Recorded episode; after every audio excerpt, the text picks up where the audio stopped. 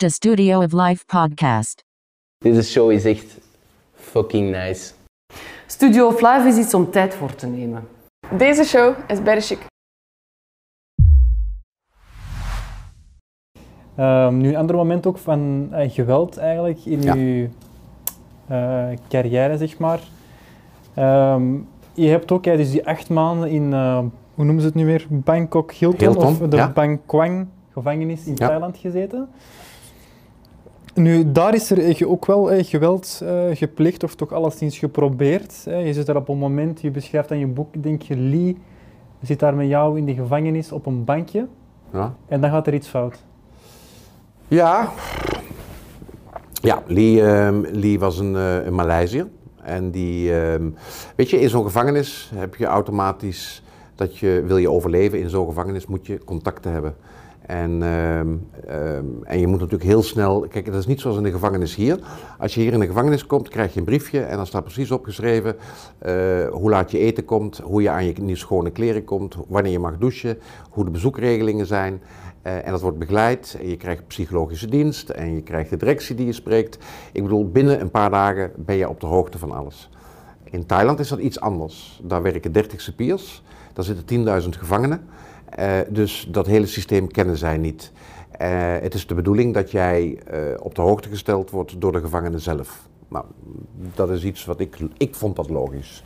Begreep dat ook snel, dus toen ik daar binnenkwam, wist ik dat ik eh, informatie moest krijgen van andere mensen. Nou, ik denk dat Lee een van de eerste was waar ik contact mee had. Sprak Engels, dat natuurlijk al eh, heel, eh, heel makkelijk was voor mij. Ehm, en die mij kon begeleiden en zeggen van oké Paul, hier moet je rekening mee houden, dit moet je doen en dat moet je doen. Dus wij hadden een hele, hele hechte band.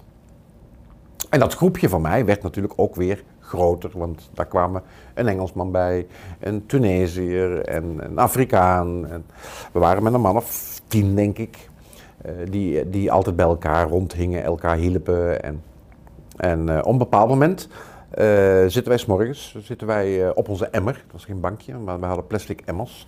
En wij zaten zo net in de schaduw, s morgens vroeg, onze koffie te drinken. En daar kwam een, groepje aan, hele zwaar getatoeëerde uh, taaien.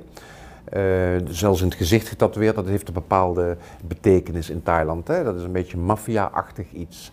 Nou, door het feit dat er maar 30 cipiers zijn, heeft elke cipier heeft een bepaalde groep voor zich werken.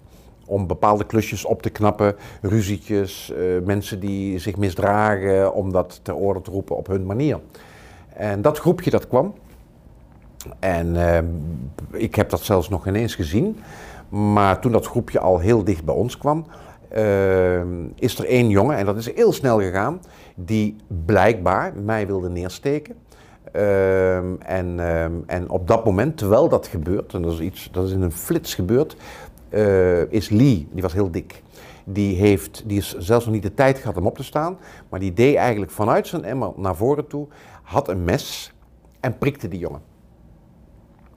En op dat moment dat die geprikt werd, die jongen die bloed, dat weet ik nog, dat heb ik gezien. Die werd geprikt in zijn buik en nog eens een keer in zijn buik. Die jongen heeft voor de rest zelf niks kunnen doen, dus Lee was eerder. Ik schrik me dood.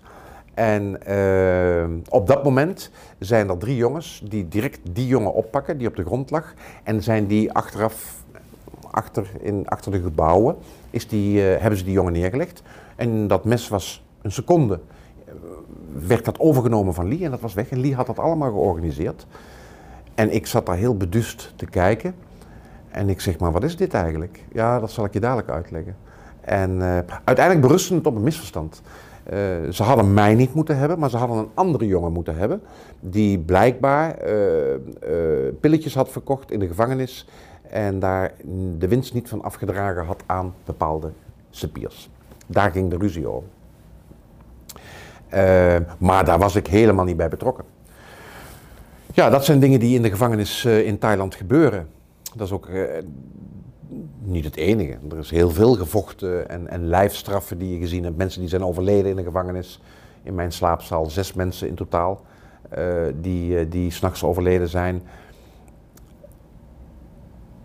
Dus er is heel erg veel geweld in zo'n gevangenis. Desondanks heb ik een hele leuke tijd gehad. En wat deed dat eigenlijk met jou dan specifiek op die moment dat je effectief ja, dat ziet gebeuren? Ja, weet je, ik denk dat het ook een bescherming is van onszelf. Hè? Dat je, dat je ehm, op een of andere manier, dat heeft niks met hardheid te maken, maar dat je alles een plekje kan geven. Dat is gebeurd. Eh, is dat leuk? Nee, dat is helemaal niet leuk. Maar het leven gaat wel door. En niet vergeten dat zo'n gevangenis is, is elke dag overleven. Dat klinkt heel dramatisch, maar je bent gewoon van s morgens tot s avonds je bezig om te zorgen dat je geen infectie oploopt, dat je gezond blijft, dat je je eten dat dat geregeld wordt, dat je niet aan de, aan de, aan de diarree raakt. Ehm, en dat je zorgt dat je, dat je groepje bij elkaar blijft. Einzelgangers in zo'n gevangenis, ja, ik zeg niet ten dode opgeschreven, maar die hebben het een stuk moeilijker. Dus dat is eigenlijk, ik weet niet, ik denk dat je dan in die flow mee moet gaan en dat je dan geen tijd kan hebben voor eh, het lijk wat s'morgens uh, uit die slaapzaal gehaald wordt. Die dag die gaat door. Je bent in een overlevingsmodus, denk ik. Denk ik, ik weet dat niet. En ik probeer daar ook voor mezelf niet te diep over na te denken, want ik denk dat je dan misschien beschadigingen naar boven gaat halen waar je de rest van je leven alleen maar last van gaat hebben. En ik kan dat denk ik redelijk makkelijk een plaatsje geven. Ik ben, ik ben lief vreselijk dankbaar bijvoorbeeld. En, en uh, is daarna ook toen hij vrij is gekomen en ik ben vrij, hebben we wel wel kunnen vinden. En uh, is hij per direct in het vliegtuig gestapt, heb, heeft hij vier maanden bij mij, uh, heeft hij bij mij gewoond. En ehm, dus wij hebben inderdaad, wij hadden, want hij is nu overleden, wij hadden een heel, heel, een hele, heel hecht contact. Maar dat is inherent aan zo'n gevangenis. Ik bedoel, het is overleven. Ja, als we dan toch, uh, ja, wat, wat doet dan ook met jou als je in die gevangenis zit en je bent zo alleen met je stemmetje? Hoe, hoe ga je daar ook mee om? Um, ja, goed, blijkbaar. Want ik ben er toch redelijk gezond uitgekomen en, en ik slaap vreselijk goed. Dus ik, ik weet dat niet. Mensen vragen altijd aan mij hoe dat kan en die proberen daar dan te achterhalen. Wat is, wat is de reden dat jij, uh, dat jij daar zo gezond bent uitgekomen, dat je er geen last van hebt. En er zijn sommige mensen die zeggen, jij gaat daar nog last van krijgen. Nou, ik geloof dat niet. Ik denk dat dat met je instelling te maken heeft. En ik heb een bepaalde manier van denken. Ik sta op een bepaalde manier in het leven. Uh, dat is enige, het enige antwoord wat ik kan geven. Mijn manier van denken, mijn manier van handelen, mijn manier van, van doen. Uh, is de reden dat ik daar zo ben doorheen gestruikeld. Ik bedoel, het gevangeniswezen hier in, in, in België kon ook heel moeilijk met, met de persoon Paul Meijer om, omdat zij vonden dat ze geen vat op mij hadden. Ik vond dat niet, maar ik ben wel met een lach door die zeven jaar gegaan. En uh, ik heb een hele leuke tijd gehad. Je moet er iets van maken. En door humor en ik denk dat humor een hele belangrijke, een, iets heel belangrijks is in je leven. Humor en uh, niet altijd mensen direct veroordelen, uh, openstaan voor iedereen. Iets wat ik niet in mijn opvoeding heb meegekregen. Want mensen die, die ordinair, in Nederland noemen wij dat ordinair, maar marginale mensen moet je niet mee omgaan. Dat is mijn, op, mijn opvoeding geweest. Ik ben het daar helemaal niet mee eens. Ik vind dat je, dat je alle lagen daar moet jij mee, mee kunnen, kunnen praten en kunnen begrijpen. Um, en dan, dan kan je dat allemaal gebruiken in zo'n bijvoorbeeld in een gevangenis in, in, in België of in een gevangenis in Thailand. Ik kan met iedereen overweg. En jij kan inschatten, met die kan je daarover praten, met die kan je daarover praten. Mensen moeten je sympathiek vinden.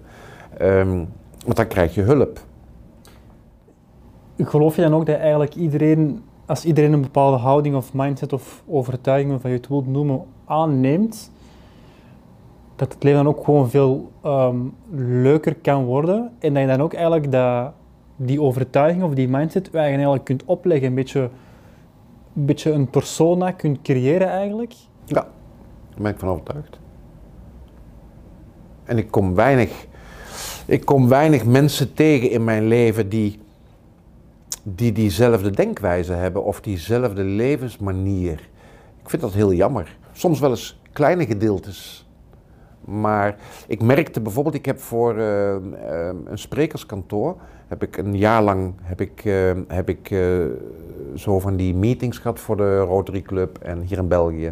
En dat heb ik veel gedaan. En ik vond dat leuk, waarom?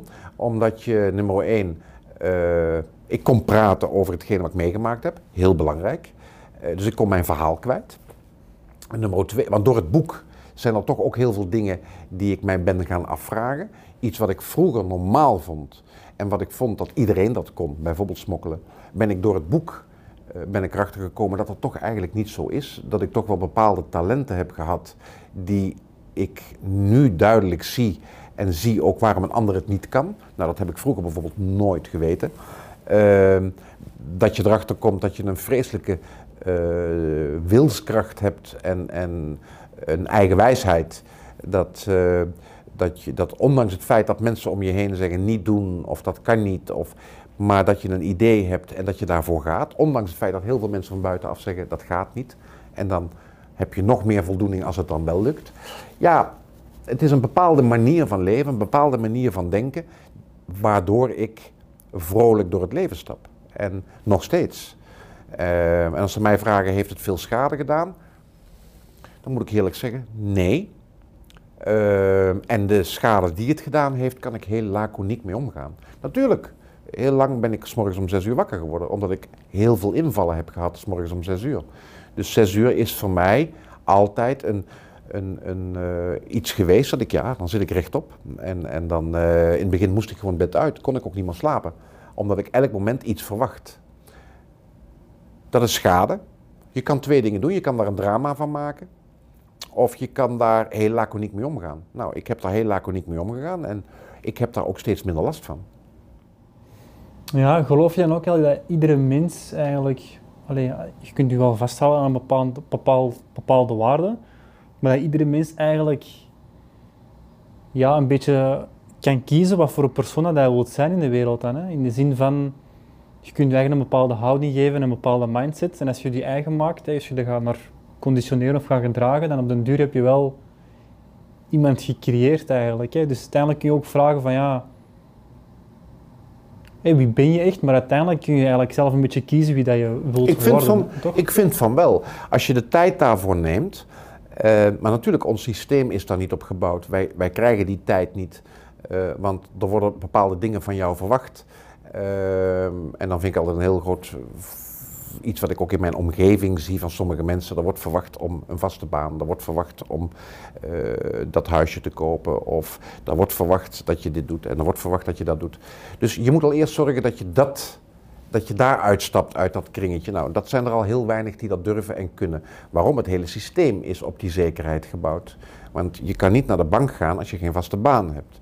Eh, simpel. Dus je kan al een hele hoop dingen niet. Er wordt verwacht dat je gaat trouwen. Trouwen kost geld. Eh, ik bedoel, je moet eerst uit dat kringetje stappen.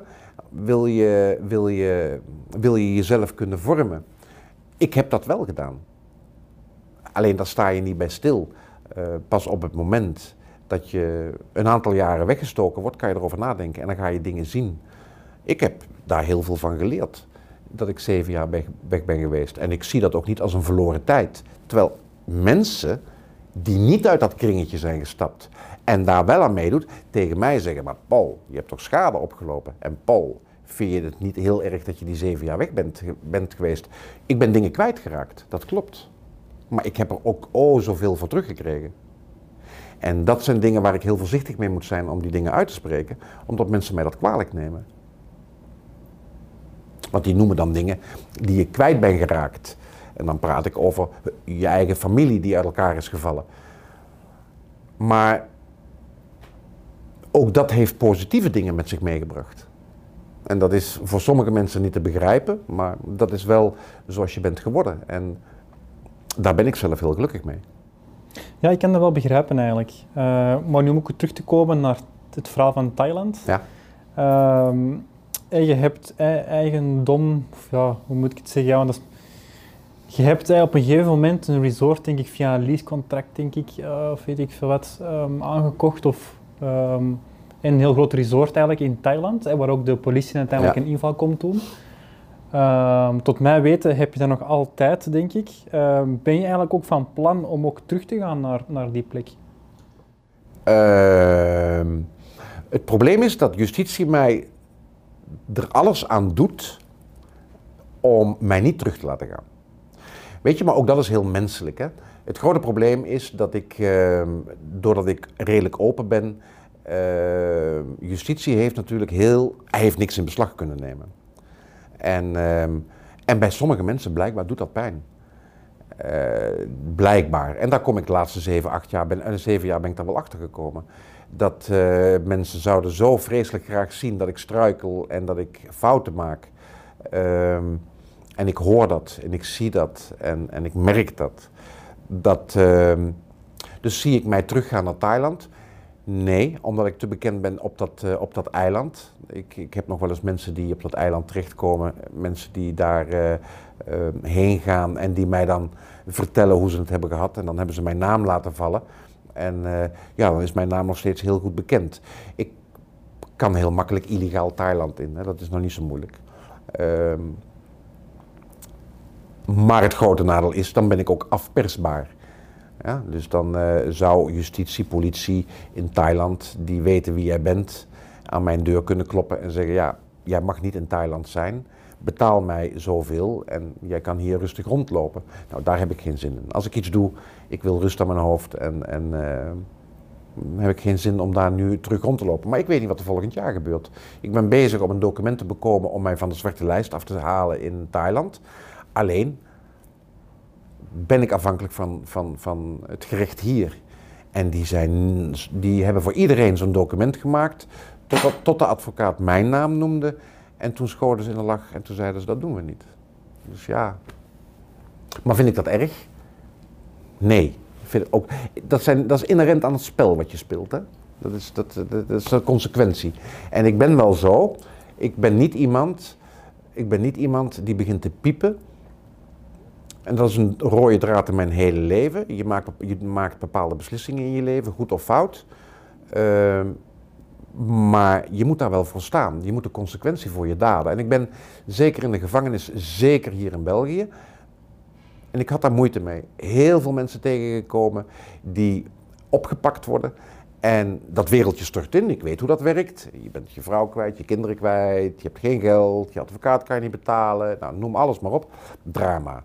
En dan beginnen die heel verdrietig te worden. En daar heb ik moeite mee. Maar dat zijn vaak mensen die buiten uh, altijd hebben lopen roepen: oh, mij kunnen ze niks. En als ze, ik hou mijn mond. En ik heb daar moeite mee. Je moet de consequentie nemen voor je daden, anders moet je het niet doen. Ik heb een jongen die ik redelijk goed heb leren kennen, die bij mij een maand of zeven op cel heeft gezeten in Antwerpen. En. Uh, die had, drie, die had twee kinderen en die was alles verdrietig als hij zijn bezoek kreeg. En die kwam altijd terug in de cel en huilen. En, en, en ik zeg tegen hem, zijn naam was Koen. En ik zeg, Koen, maar waarom? Ik zeg, je hebt die handel gedaan.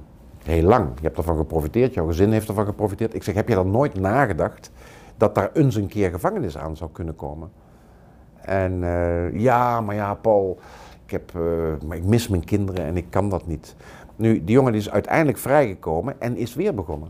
Maar die heeft wel zes maanden met rode ogen rondgelopen en drama's en hele zielige verhalen. Nou, dat zijn dingen die ik niet snap.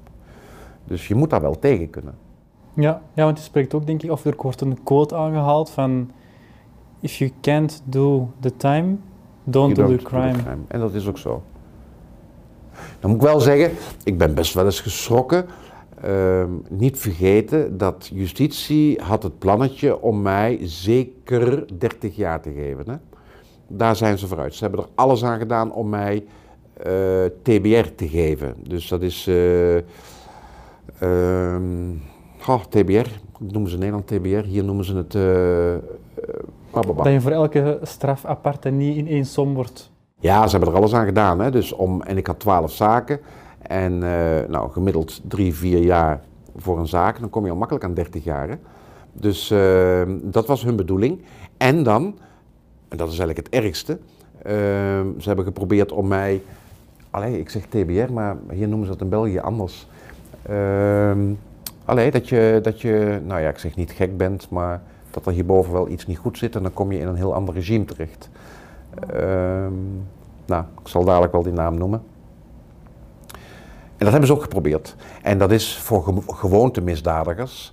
Uh, dus als jij uh, altijd gaat inbreken, dan uiteindelijk krijg je een straf. Maar dan krijg je erbij dat je onder psychische behandeling moet, uh, moet, moet gaan komen. Dus bij mij zijn ze wel heel erg ver gegaan. Recidivisme? Of, Ja, nee, dat is recidive. recidive. Gevaar is dat je in herhaling valt. Ja, maar ze noemen het. De strafuitspraak is anders. Je krijgt zes jaar plus. Mm. In Nederland noemen ze dat TBR, ter beschikking gesteld van. En, maar hier in België noemen ze het anders. Ik kom nou niet op de naam. En dat hebben ze wel geprobeerd. Dus ze hebben heel hoog gegooid en ze wilden mij echt voor een hele lange periode weg hebben. Uh, nu even terug naar Thailand. Uh, op een gegeven moment uh, trek je ook, allee, of wordt er een heel mooie foto van jullie getrokken, die ook heel ehm, allee, berucht is. Dus een foto waar je eigenlijk ja. Eh, met de blote poep, denk ik, op, eh, en ook naar deze kant uitstuurt, naar België. Um, was dat in een moment dat je eigenlijk een soort van on, ongrijpbaar voelde? Of waarom is dat eigenlijk... Mensen, mensen zeggen dat. Nee, want wij voelden ons niet ongrijpbaar. Althans toch zeker ik niet. Ik wist, ik wist dat wij onze straf zouden gaan uitzitten. En ik wist dat ik niet mijn leven lang op de vlucht wilde gaan. Uh, het was alleen zo, ik ben terug naar Thailand gegaan, terwijl ik onder elektronisch toezicht stond. Uh, omdat er op dat moment een hele grote zending gepakt was. En ik kreeg s morgens om zes uur kreeg ik dat te horen. En ik wist dat ze mij zouden komen halen. En heel mijn clubje zat in Thailand. Dus ik redeneerde zo, als ze mij hier nu komen pakken daarvoor, dan moet ik sowieso al blijven zitten tot het moment dat die uitlevering, dat die jongens deze kant op komen. En ik denk, ja, dat gaat anderhalf jaar duren. Dus ik zit voor Jan en de Korte achternaam zit ik in, in Belgische gevangenis al minimaal voor anderhalf jaar voor niks. Ik denk, ja, en mijn tweede probleem was dat ik nog documenten moest tekenen in verband met de eigendommen in Thailand. Uh, dus ja, voor mij was het heel simpel, hè? bandje doorknippen en vertrekken. En waarom heb je dat eigenlijk toch gedaan? Omdat ondanks eigenlijk, je, bent, je hebt daar wel nog voor het vertrek je advocaten gesproken. Ja. Uh, en zij gaven ook duidelijk aan van kijk, hey, doen. In de, ook in eigenlijk in het achterhoofd nu houdende, um, Paul, dat je zegt van ik weet dat ik ga zitten en als uw advocaten dan zeggen van oké, kijk, als je dit doet, gaat je strafmaalbepaling ook waarschijnlijk mogelijk de lucht inschieten. Maar desondanks zeg je toch van oké, nee, let's do it. Dus, en dat heb ik dus straks in het begin van het interview gezegd, je moet, wil je, wil je dit soort dingen doen, moet je eigenwijs zijn en je moet op je eigen gevoel afgaan. Nou, dat is een heel leuk voorbeeld. Mijn advocaat en iedereen heeft gezegd, Paul, alsjeblieft doe het niet. dat was een turnout. turnout. En nou, dat zijn vrij deftige advocaten, uh, Caroline en, en Bart Spriet. En die hebben allebei gezegd, in koor, op de trap, ik vergeet dat moment nooit, alsjeblieft Paul, doe het niet. Want jouw straf gaat veel zwaarder zijn. En plus het feit, veel faciliteiten kan je geen gebruik meer maken. Voorlopige invrijheidstelling of, of gebruik maken van een elektrisch bandje daarna. Niets meer, want je hebt je bandje doorgeknipt, je bent op de vlucht. Geloof mij, het, is, het gaat in alle, met alles gaat het tegenwerken. En uh, desondanks zei een heel klein stemmetje in mijn hoofd: uh, vertrekken. En heel grappig, het heeft goed uitgedraaid. Want had ik dat niet gedaan, dan, uh, dan hadden ze mij voor twaalf zaken kunnen veroordelen. En had ik wel tegen die 30 jaar aangezien. En Caroline moet dat nog vaak, omdat ik die regelmatig zie, die moet dat nog vaak, moet die daarom lachen. Die zegt, ja Paul, het is inderdaad een hele, hele goede zet geweest dat je dat gedaan hebt. Maar het is achteraf praten. Ja, ja, ik nu ook over uw um, advocaten gesproken. Die Caroline komt ook uh, aan bod van Moer. Ja. Um, die vertelt ook dat ze u juridisch heeft bijgestaan, maar dat ze ook nog altijd juridisch bijstaat bij u en soms schrijft het als nieuwe activiteiten. Waar ben je dan eigenlijk zwaar mee bezig? Of, of nee, maar dat is, dat is eigenlijk uh, door het feit dat ik... Uh, ik ben natuurlijk vrijgekomen met een bandje. Mm -hmm. Een jaar lang heb ik met een bandje rondgelopen.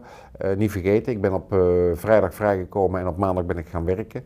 Na zeven jaar stilzitten ehm, en, en de wereld... Waar iedereen waarschuwt je daarvoor, de wereld is veranderd. En ehm, ik ben natuurlijk in die zeven jaar niet buiten geweest. Dus er komt heel veel op je af. Er moet heel veel geregeld worden. Je paspoort is er niet meer, je rijbewijs is er niet meer. Ik had nog boetes staan voor mijn rijbewijs. Dus mijn rijbewijs is afgenomen. Terwijl ik het bij het gemeentehuis hier in Zoersel ben gaan halen, stond de wijkagent achter mij. ah, meneer Meijer, we kunnen het gelijk weer afnemen. Eh, iets wat ik helemaal niet wist. Dus bedoel, en uiteindelijk, door het feit dat je eh, onder schuldmiddeling staat, dat je elke week naar justitieassistenten moet, eh, elke week. In het begin denk je van, oh, dat maakt toch allemaal niet uit. Maar ik kan je beloven dat je dat je, je soms een klein kind voelt. Hè? Want die hebben het recht tot alles. En dat is niet simpel. Dus ja, eh, in, luxe, in luxe binnengegaan. Maar, eh, hè, dus, we hadden een heel mooi leven toen ik, eh, toen ik opgepakt werd. Eh, maar buiten komen, er alles aan, justitie die er alles aan doet, dat je dat niet meer kan. En eh, op een heel klein appartementje zitten en met een heel oud autootje met een hoop olie lekkende en weet ik het allemaal. Dus ik heb eh Carolien nog, regel, nog eh, bijvoorbeeld dus de, de, de, de, de, ja, hoe moet je dat zeggen? Wat is er allemaal nog gebeurd in die tijd wat zij voor mij heeft gedaan? Maar bijvoorbeeld de schuldmiddelaar die mij niet los wilde laten omdat hij het niet vertrouwde.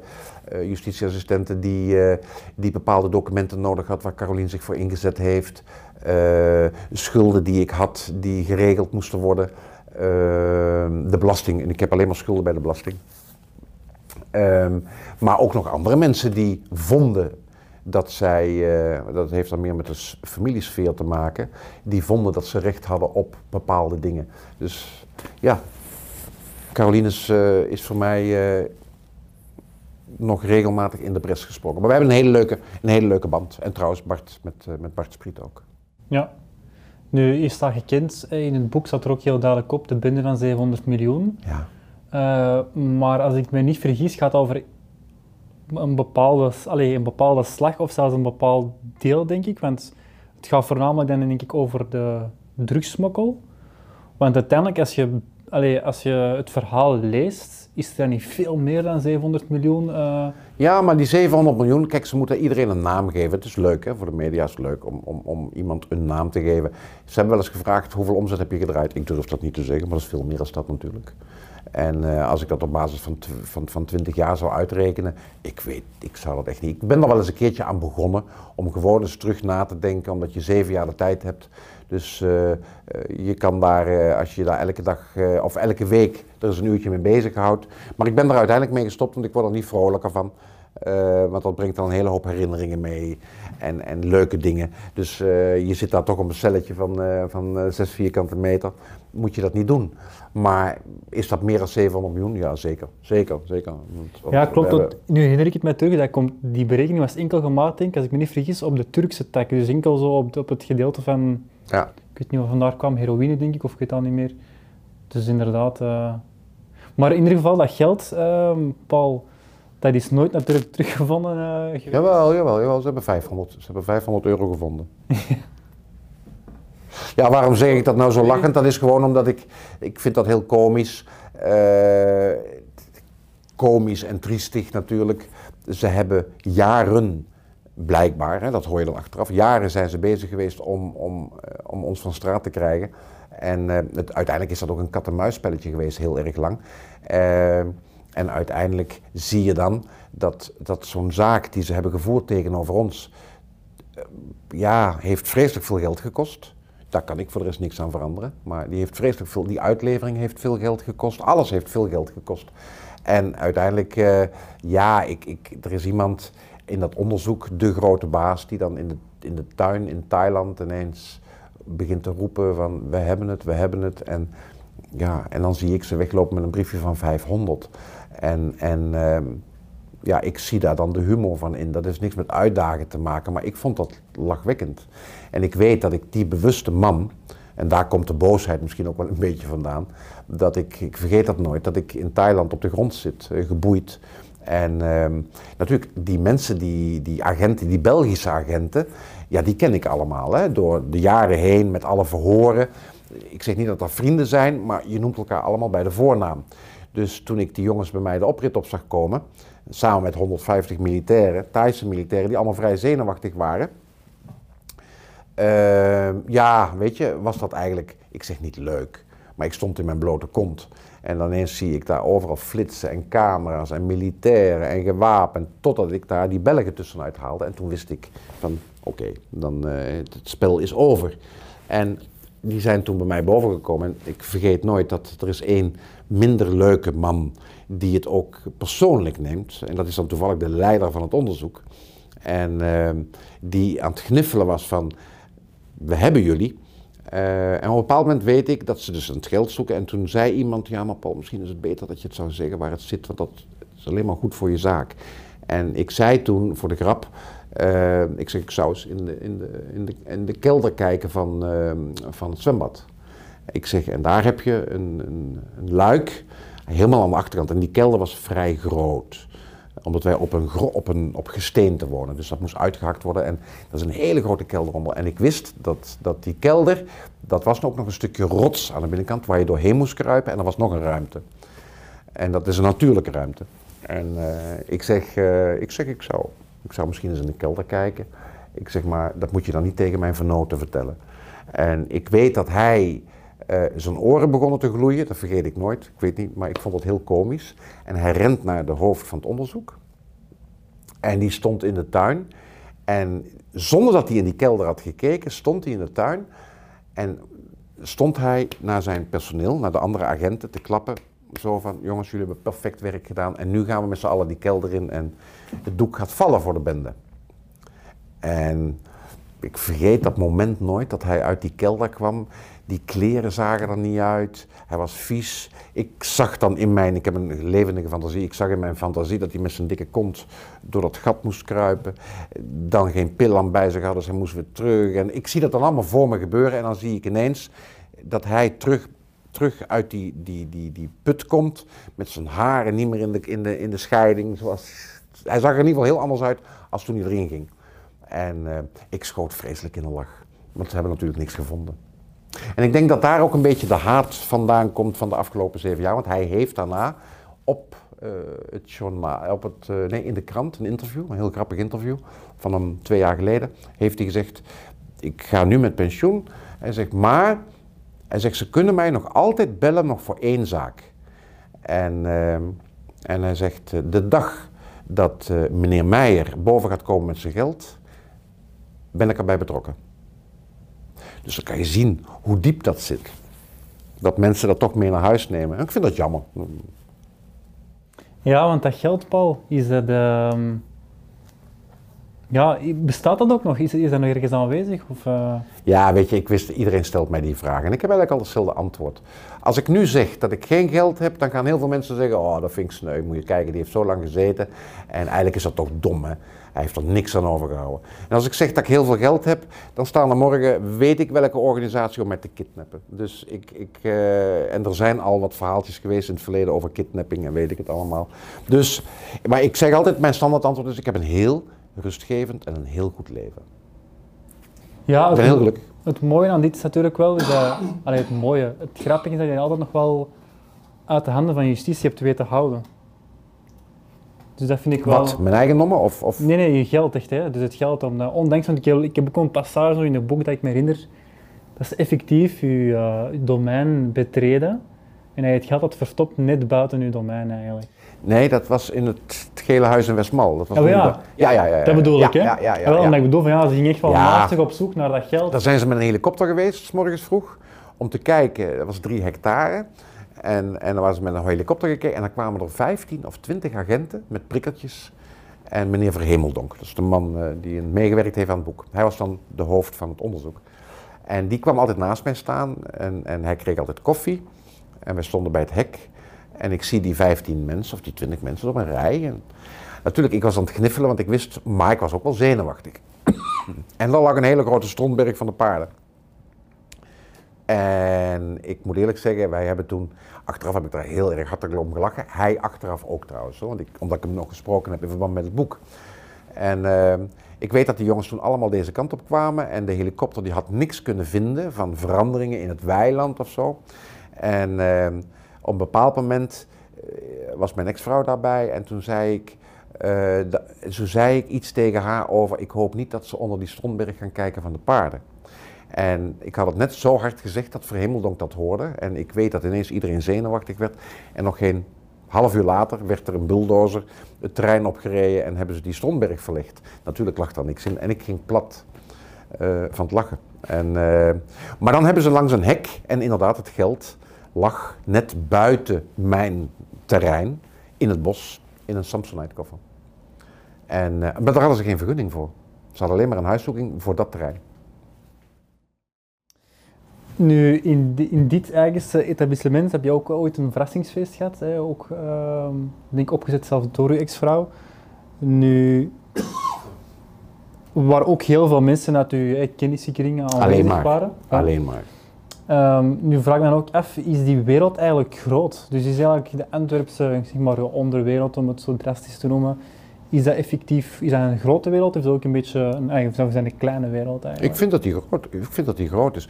Maar ehm, die, moet je, die moet je onderscheiden. De mensen die alleen maar dat doen, de mensen die eh, dat doen met een klein beetje anders, dus met het legale. Mhm. Dan heb je de mensen die heel veel legaal doen en een heel klein beetje dit. Mensen die doen alsof ze legaal, maar alles. Dus ik bedoel, en als je dat allemaal bij elkaar gaat optellen, is die, is, is zeker in België, hebben er vreselijk veel mensen mee te, te maken. En het is ook eigenlijk wel logisch. Er is natuurlijk een heel veel, er, is, er zijn bergen met crimineel geld. En iedereen probeert daar een stukje van mee te krijgen. En ehm, dan zie je dat er, dat er geïnvesteerd wordt in onroerend goed. Ik neem nou een voorbeeld.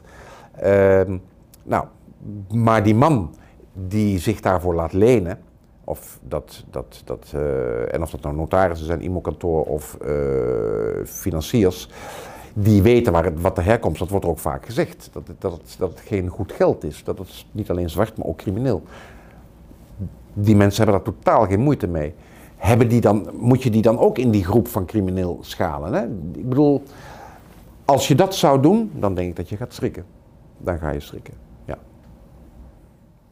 Ja, uiteindelijk denk ik ook dat wel allee, verrijkt ook wel die hand in de zin van, ik denk dat alle lagen wel mensen hebben die, die, ja, die, die dingen doen of dingen Vroeger proberen. zeiden ze tegen mij altijd van iedereen is te koop. En dan zeiden sommige mensen eens, allee. En dan dacht ik van nee, dat is toch niet, toch niet. Maar ik heb in mijn leven zoveel dingen meegemaakt en gezien, dat ik toch altijd tot de conclusie kom, iedereen heeft zijn prijs. Mhm. Iedereen heeft zijn prijs. En ehm, van hoog naar laag, ik, ik, ik, ik heb te veel gezien van mensen die, die grote jongens die een hele grote vennootschap in de haven overnemen en, en dat spel heel goed opzetten ehm, en dan grote partijen binnenhalen, ehm, zorgen dat er één familielid de schuld van zou kunnen krijgen, eh, maar hij blijft buiten schot, dat is een afspraak onderling en dat gaat perfect. En, ehm, en dan praat ik over hele grote firma's. Hè? hele officiële, nette, deftige mensen waar die hier rondrijden in Schilde of in Braschaat, de grote jongen uithangen en, en doen alsof ze het heel slim en goed gedaan hebben, terwijl ik weet hoe ze het gedaan hebben. Ik denk dat je schrikt. Ik denk dat je Ik schrikt. denk dat ook. En eh, weet je hoe dat ook komt? Omdat namelijk, er is, er is natuurlijk wel een heel groot verschil tussen zwart geld en zwart crimineel geld. Zwart geld vind ik bijvoorbeeld geen crimineel geld. Ja? Eh, zwart geld, dat is iets wat wij met hard werken eh, op zaterdag, eh, na de avond, na de uren en s'avonds, dat is zwart geld. Is dat crimineel geld? Ik vind van niet. Ze proberen dat hier in België wel te criminaliseren, ja? maar ik vind dat, en ik vind de gemiddelde Belg zal het met mij eens zijn, vinden dat geen crimineel geld. Waarom? Iedereen doet dat wel. Althans, heel veel mensen, en zeker vroeger, die deden eh, bepaalde uren in het zwart uit laten betalen. Maar crimineel zwart geld, dat is iets anders. En, ehm, maar zelfs daar wordt vrij makkelijk over gesproken hier. Ja, je ook zegt van iedereen heeft zijn prijs. Ik ga er ook wel, ik denk 95% in mee in de zin van, als je weet dat fraude veel harder bestraft wordt dan bijvoorbeeld een drugsfeit, dan weet je ook waar het allemaal om draait, vind ik. Dan weet je ook gewoon wat de essentie van, ja, van bepaalde mensen of belangen of belangengroepen of instellingen zijn, als je weet dat daar de voorkeur aan gegeven wordt. Net zoals bijvoorbeeld het voorbeeld nu van die tabakswinkels die open zijn. Ja. Dat is voor mij ook het perfecte voorbeeld van, ja, oké, kijk, er zijn mensen die eh, daar geld op verdienen. En vandaar dat die gewoon eh, ja, wel de voorkeur of de voorrang krijgen om wel open te zijn, Ja. bijvoorbeeld. Zwaar. Nu, ehm, om even terug te komen naar uw ex-vrouw. Je hebt dus een, eh, samen met Kelly, denk ik, ehm, een soort van driehoeksverhouding gehad. Ehm, nu, mijn vraag is eigenlijk, was je ook verrast dat die verhouding eigenlijk toch nog, en alle partijen dat er ook eh, weet van, dat die toch nog lang heeft kunnen standhouden eigenlijk? Want die heeft toch, als ik in de boeken lees, is dat toch precies een paar jaar doorgegaan, of niet? Ja, maar ik vind het moeilijk om daarover te praten. Gewoon om, omdat sommige mensen daar een ander verhaal over vertellen. Ik heb er inderdaad over mijn, mijn, in mijn boek uh, heb ik daarover gesproken. En uh, er zijn enkele mensen die mij dat niet in dank afnemen. Die zijn een ander, zijn een ander leven gaan leiden, wat ik respecteer. Uh, en ik denk dat Kelly, dat, ik, dat Kelly bij ons vijf jaar heeft gewoond. Dus het zal vijf jaar zijn geweest, vijf, zes jaar denk ik. In totaal, zeven jaar. Maar anders zal ik de, de vraag iets, iets anders stellen. Geloof jij bijvoorbeeld ook in monogamie bijvoorbeeld? Is dat voor jou iets waar je achter staat? Oeh. Nee. Nee, maar dan gaan mensen, als, ik dat, als dat uit mijn mond komt, gaan mensen daar, omdat ik natuurlijk redelijk open en modern in de ogen van veel mensen. Weet je, dat is ook weer zoiets. Ik vind dat heel grappig en dat vind ik een heel groot verschil bijvoorbeeld tussen België en Nederland. De Belgen, als je daar de voordeur zou open doen s'avonds, ik denk dat je zou schrikken als je weet wat daar allemaal gebeurt. Um, en op, maar diezelfde mensen durven mij te veroordelen als ik het bijvoorbeeld open zou zeggen.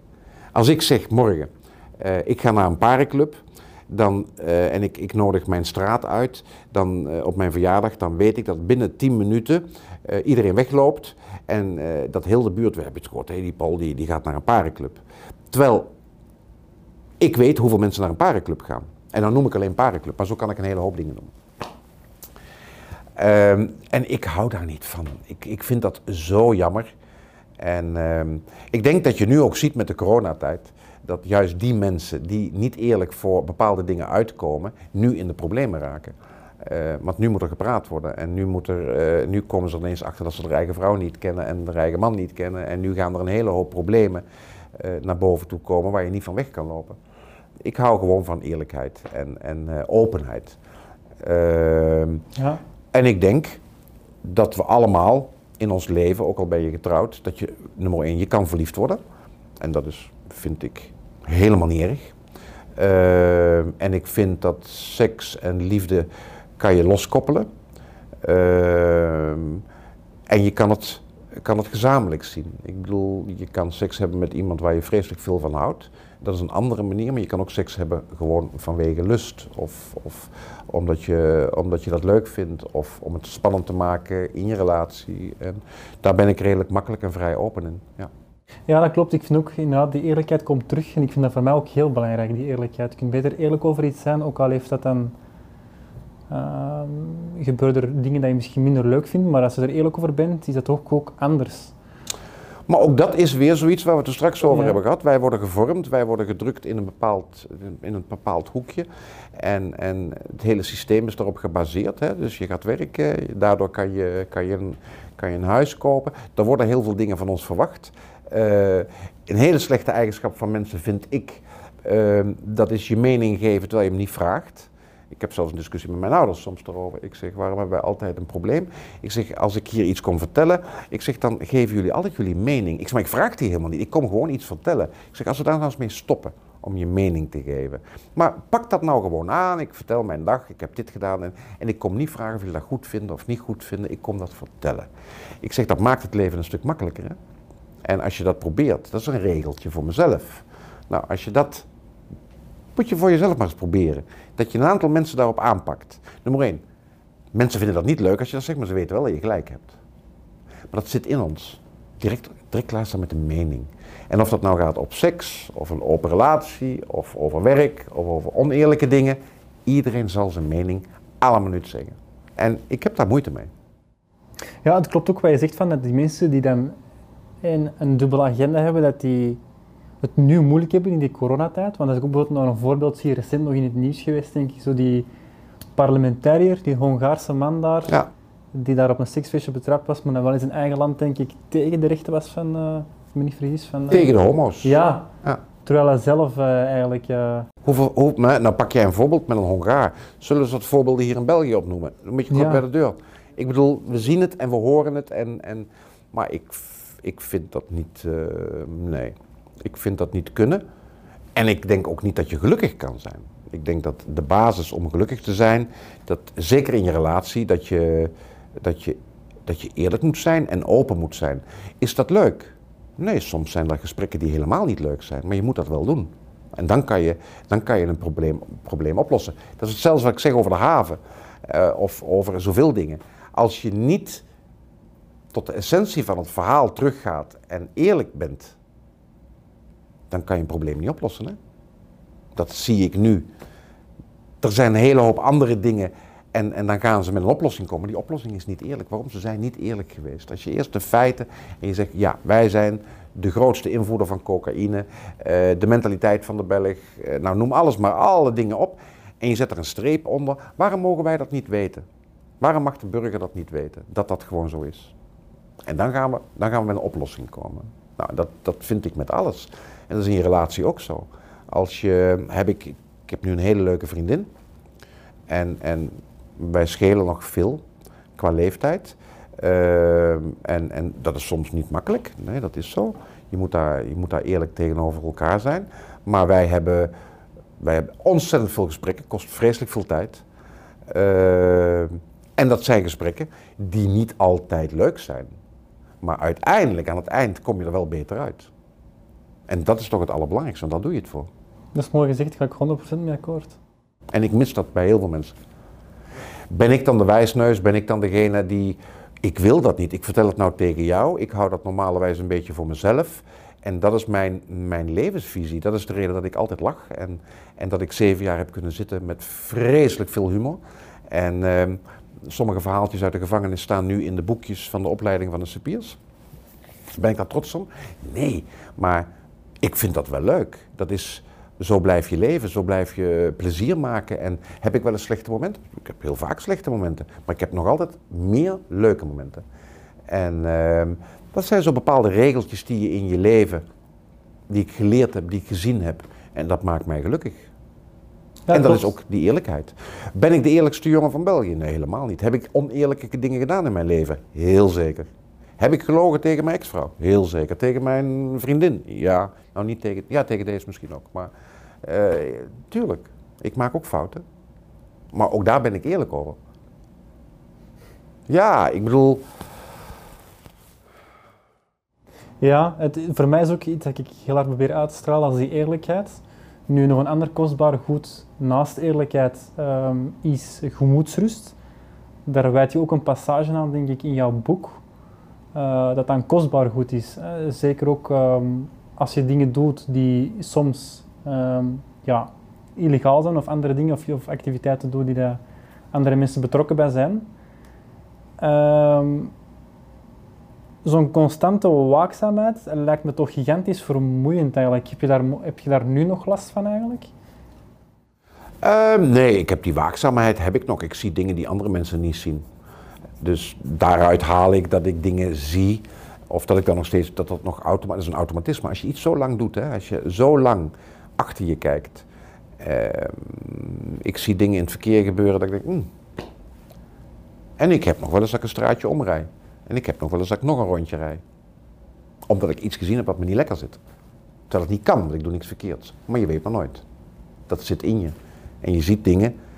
Uh, ik zie mensen zitten op plaatsen dat ik denk, hmm, die heb ik net ook gezien. Heb ik gelijk of niet? Dat kan, hè, want justitie controleert nog steeds. Dus dat zou kunnen. En, en heb, maar heb je daar last van? Ja, weet je, een andere, dat is, ik weet mensen die naar een psychiater rennen of naar een psycholoog rennen. Nou, dat doe ik niet. Ik lach daarom en denk, ja, oké, het is zo. En ik leg me dat neer. Dat is, de, dat is de schade die ik heb opgelopen. Maar alleen het woordje schade vind ik al fout. Het is gewoon zo. Je bent zo geworden als mens door het feit dat je iets heel erg lang hebt gedaan. Is dat Probeer daar, probeer daar de goede dingen uit te halen. Ik ben heel alert. Ik ben heel alert. Gebruik dat op andere dingen. Ja. Dus je moet er eigenlijk een beetje ook, ja, je leeft er ook wel met leven dan, veronderstel ik toch? Ik denk het wel. Ik gebruik het nu in de opvoeding van, uh, van mijn stiefzoontje. Uh, dat ik dingen zie die een ander niet ziet. Gebruik het dan, gebruik het dan voor de goede dingen. Nu, op een gegeven moment gaan we allemaal uh, te overlijden komen, Paul. Ja. Ehm, als wat voor een persoon zou je willen dat, je, dat mensen die jou gekend hebben, of andere mensen, u herinneren als persoon? Voor, als wat voor een persoon zou je dus herinnerd worden als je overlijdt? Interesseert me eigenlijk geen hol. Vind ik onbelangrijk. Vind ik de meest onbelangrijke vraag. Niet dat jij die stelt, vind ik leuk, maar vind ik, ik vind het heel vreemd dat mensen daarmee bezig zijn. En eh, wat interesseert jou dat nou? Hoe mensen, nummer één, als je dood bent, ben je dood. Dan kunnen we nog gaan discussiëren of er nog iets is hierna. Nou, dat zullen we dan wel zien. Ehm, maar mij interesseert dat geen hol of er drie man komt, of dat er honderd man komt, of dat ze staan te klappen, of dat ze gaan zeggen, wauw, die. Het enige wat mij interesseert is, heb ik een leuk leven gehad en de personen om mij heen, zoals mijn, mijn vriendin in dit geval, zijn we met z'n tweetjes, met z'n drietjes, met z'n viertjes, met z'n vijfjes, met z'n zessen misschien gelukkig geweest en hebben we er uit het leven gehaald wat we willen. Maar wat interesseren mij die andere mensen? Ja, ik, ik Klinkt dat egoïstisch misschien wel, maar ik vind dat niet. Ik leef niet voor andere mensen. En ik kom te veel mensen in mijn leven tegen die denken zoals jij de vraag gesteld hebt. Die zijn te veel bezig met andere mensen om hun heen. Word je daar gelukkiger van? Helemaal niet zelfs. Zorg eerst eens dat je eigen huishouden is zoals jij het wil. En, en dat vind ik veel belangrijker. Daar denk ik dat je al heel veel tijd in moet gaan steken. Maar iedereen bemoeit zich met de buren en met de overkant. En, met, en dat gaat heel ver soms. Hè? En, en ehm, hij is een goede jongen geweest en hij heeft, en iedereen heeft daar zijn eigen verhaal over. Plus het feit, ik ben, ik ben er niet meer, dus ik kan het ook niet meer sturen. Dus degene die aan het liegen is, die vertelt het tegen zijn buren. En dat leugen, dat, gaat, dat heb ik niet meer onder controle. Dus ik hoop dat je begrijpt wat ik bedoel. Ik begrijp je volledig. Ik, probeer eigenlijk te, uit te leggen dat je bepaalde waarden als mens hebt. En voor u denk ik dan bijvoorbeeld vrijbuiter, eerlijkheid. En dat die dingen, dat ik eigenlijk verwacht dat die dingen terug naar boven zouden gekomen nee, zijn. interesseert me geen hol. Ja. Ik weet wie ik ben geweest. En als je nu al weet hoe erg je moet vechten, als ik dat zou willen, hè? Hoe, hoe, hoeveel moeite ik moet doen waar. om, om, terwijl ik weet wat er is gebeurd. En dan zijn er mensen in mijn omgeving die mij komen vertellen hoe ik het gedaan heb. Of die dingen weten over mij, die tegen andere mensen. Ik, ik- een leuk voorbeeld is dat, dat een van mijn kinderen een keer vertelde dat er mensen komen en die zeggen, ah, eh, ik heb die gesproken, ja, ik ken jouw papa, want ik heb daarmee samengewerkt en weet je, jouw papa dit en jouw papa dat. Het ging dan zelfs nog positief. Ik heb de beste man nooit in mijn leven gezien. Dat is een mooi voorbeeld. Nou ben ik morgen dood. Ik beloof jou, nu is er eentje geweest, dan zijn het er honderd. Dus ze hebben allemaal Paul Meijer gekend en ze hebben, en goed of slecht, hè? Ik bedoel, want ze weten dat er geen weerwoord meer kan komen. Moet ik me daar druk over maken? Nee, geen zin in. Ja, is dan ook niet waar ik altijd heel hard mee, allee, moeite mee heb, is waarheid. In de zin van, wat is er ook waarheid? Want jij kan een verhaal vertellen en iemand anders kan een verhaal vertellen. Maar uiteindelijk, wie is... Ja, en die interpretatie gebeurt dan waarschijnlijk op hoe je gevormd bent als mens in het verleden. Precies. Dus, maar dan, wat is er dan ook waar? Het zal ergens in het midden liggen. Nee, Dus nee, dat is hetgene waar jij het beste bij voelt. Voel jij een klik met mij in, in, in mijn denkwijze, dan is mijn waarheid voor jou veel meer waarheid als de waarheid die jij vraagt aan iemand van 22 zonder levenservaring, zonder al die dingen meegemaakt hebben. Dan krijg je een ander antwoord. Bij wie voel jij je beter? Bij degene waar je de beste klik mee hebt qua leeftijd, qua, qua denkwijze, qua... Dat is toch zo? Iemand die modern denkt, eh, en ik praat over relaties en dat soort dingen, dan zal die klik bij mij, iemand die, die, die daar een stukje in meegaat, als een, iemand die heel jong is en nog maar voor de één keer is verliefd geweest, ja, dan krijg je een heel ander antwoord. Dus dat hoef ik niet te horen. Dan heb ik liever jouw antwoord. Snap je wat ik wil zeggen? Ik snap je voor 100%. Dus inderdaad, de vraag kan je stellen aan 100 mensen.